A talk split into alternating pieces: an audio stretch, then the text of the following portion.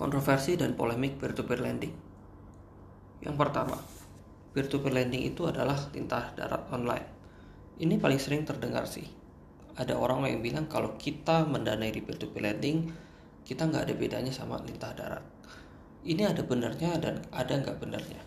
Di satu sisi memang beberapa peer-to-peer lending memiliki bunga yang jauh lebih tinggi daripada produk perbankan seperti KTA dan kartu kredit tapi tidak sedikit juga peer-to-peer lending yang memiliki bunga setara atau bahkan lebih rendah daripada produk perbankan.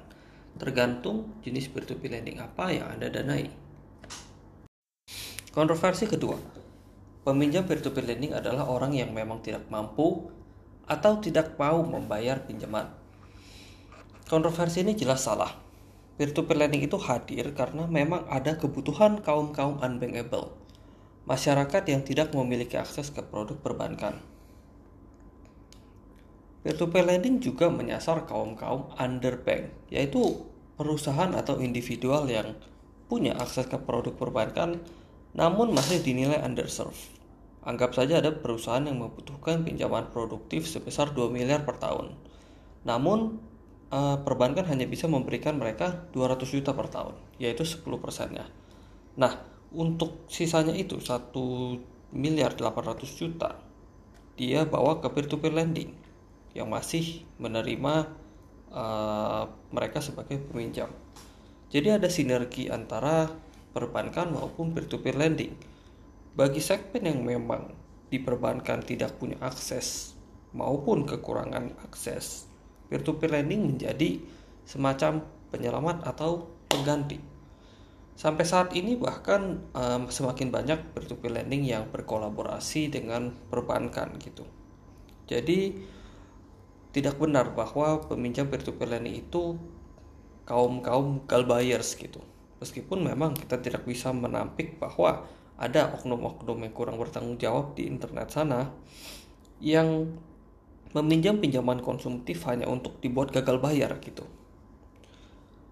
Jadi itu memang ada, tapi tidak semuanya. Dan sebagian besar justru malahan um, perusahaan yang sudah punya keakses perbankan gitu, tapi mereka membutuhkan lebih. Nah, solusinya sebenarnya adalah dengan mendanai peer-to-peer lending yang Anda nyaman dengan tingkat risikonya gitu. Kalau memang takut dengan kaum-kaum gal buyers tersebut, maka jangan mendanai di pinjaman konsumtif. Hanya danai pinjaman produktif yang perusahaannya itu lumayan bereputasi. Kontroversi peer-to-peer lending yang ketiga, bahwa retur atau bunga yang diberikan peer-to-peer lending kurang menarik. Sebenarnya retur yang ditawarkan peer-to-peer lending jauh lebih tinggi daripada deposito maupun surat berharga retail seperti SBN atau ORI. Tapi memang bagi trader-trader berpengalaman yang sudah kenal cryptocurrency, forex, saham, kalau melakukan trading harian ataupun investasi jangka panjang, tentunya hasilnya peer-to-peer lending akan kalah, baik itu kalah secara tipis maupun kalah secara jauh. Tapi saya tegaskan bahwa setiap instrumen investasi itu punya kelebihan dan kekurangan. Peer-to-peer lending menurut saya masuk dalam kategori fixed income, yaitu investasi yang kita bisa biarkan secara pasif dan memberikan kita uh, retur yang bersifat pasti. Berbeda dengan trading yang ada cut loss, ada target profit yang belum tentu kena, dan faktor-faktor yang penuh ketidakpastian lainnya. Jadi, kalau memang main saham dan cryptocurrency, lanjutkan. Tapi ada baiknya juga sebagian dana diparkir di peer-to-peer lending. Jadi ada diversifikasi. Ada yang sifat investasinya komoditas, ada yang sifat investasinya ekuitas, ada juga yang sifat investasinya berbasis utang, seperti peer-to-peer lending ini. Kontroversi peer-to-peer lending selanjutnya yaitu dampak sosial yang tidak baik. Ada yang bilang bahwa kalau kita minjemin dana ke peer-to-peer lending, sama aja kita turut berkontribusi sama uh, habit konsumtif yang tidak sehat gitu. Misalnya minjem uang untuk beli HP atau minjem uang untuk makan mahal gitu, bukan untuk yang produktif. Sebenarnya memang ada benarnya sih. Beberapa peer-to-peer lending yang kita bilang kategori pinjaman konsumtif, ada aja orang-orang yang meminjam untuk tujuan seperti itu. Tapi kita juga harus tahu bahwa peer-to-peer lending ada yang meminjam untuk tujuan produktif, misalnya modal usaha atau penalangan invoice atau invoice financing. Saya misalnya butuh beli barang tapi kurang modal itu saya bisa ajukan ke peer to peer lending. Dan ada tren baru belakangan ini di mana pinjaman konsumtif itu sebenarnya digunakan untuk tujuan produktif. Misalnya ada orang beli HP dan ternyata setelah kita selidiki lebih lanjut ternyata dia mau buka usaha counter pulsa. Ada orang ngajuin pinjaman konsumtif untuk beli mesin cuci. Ternyata dia mau usaha sampingan buka laundry di antara uh, tetangga-tetangganya. Jadi saya sangat gak setuju kalau dibilang P2P lending itu dampak sosial tidak baik. Ada yang tidak baik ada yang baik. Dan memang uh, kita bisa mengkontrol dampak pendanaan kita. Kalau memang kita maunya yang responsible dan impactful investing maka kita mendanainya di segmen yang mikro saja segmen UMKM uh, segmen yang empowering empowering wanita segmen pertanian dan lain-lain. Jangan mendanai di pinjaman yang konsumtif gitu.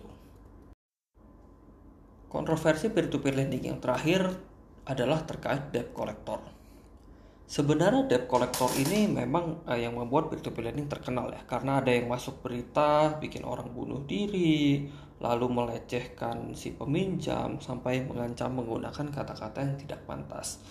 Nah, perlu dibedakan ya. Ada perbedaan antara debt collector dari peer-to-peer lending yang resmi yang diawasi OJK dan peer-to-peer lending dari uh, yang ilegal dan debt collector dari peer-to-peer lending yang ilegal gitu.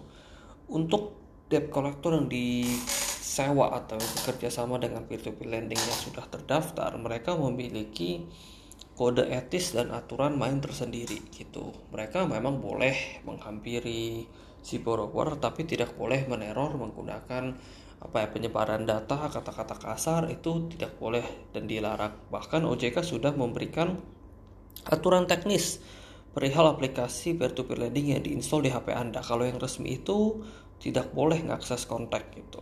Dia hanya boleh ngakses foto saja untuk selfie dan KTP gitu. Nah jadi memang debt collector yang berperan membuat viral itu sebenarnya datang dari pinjol-pinjol ilegal yang memang tidak terregulasi gitu.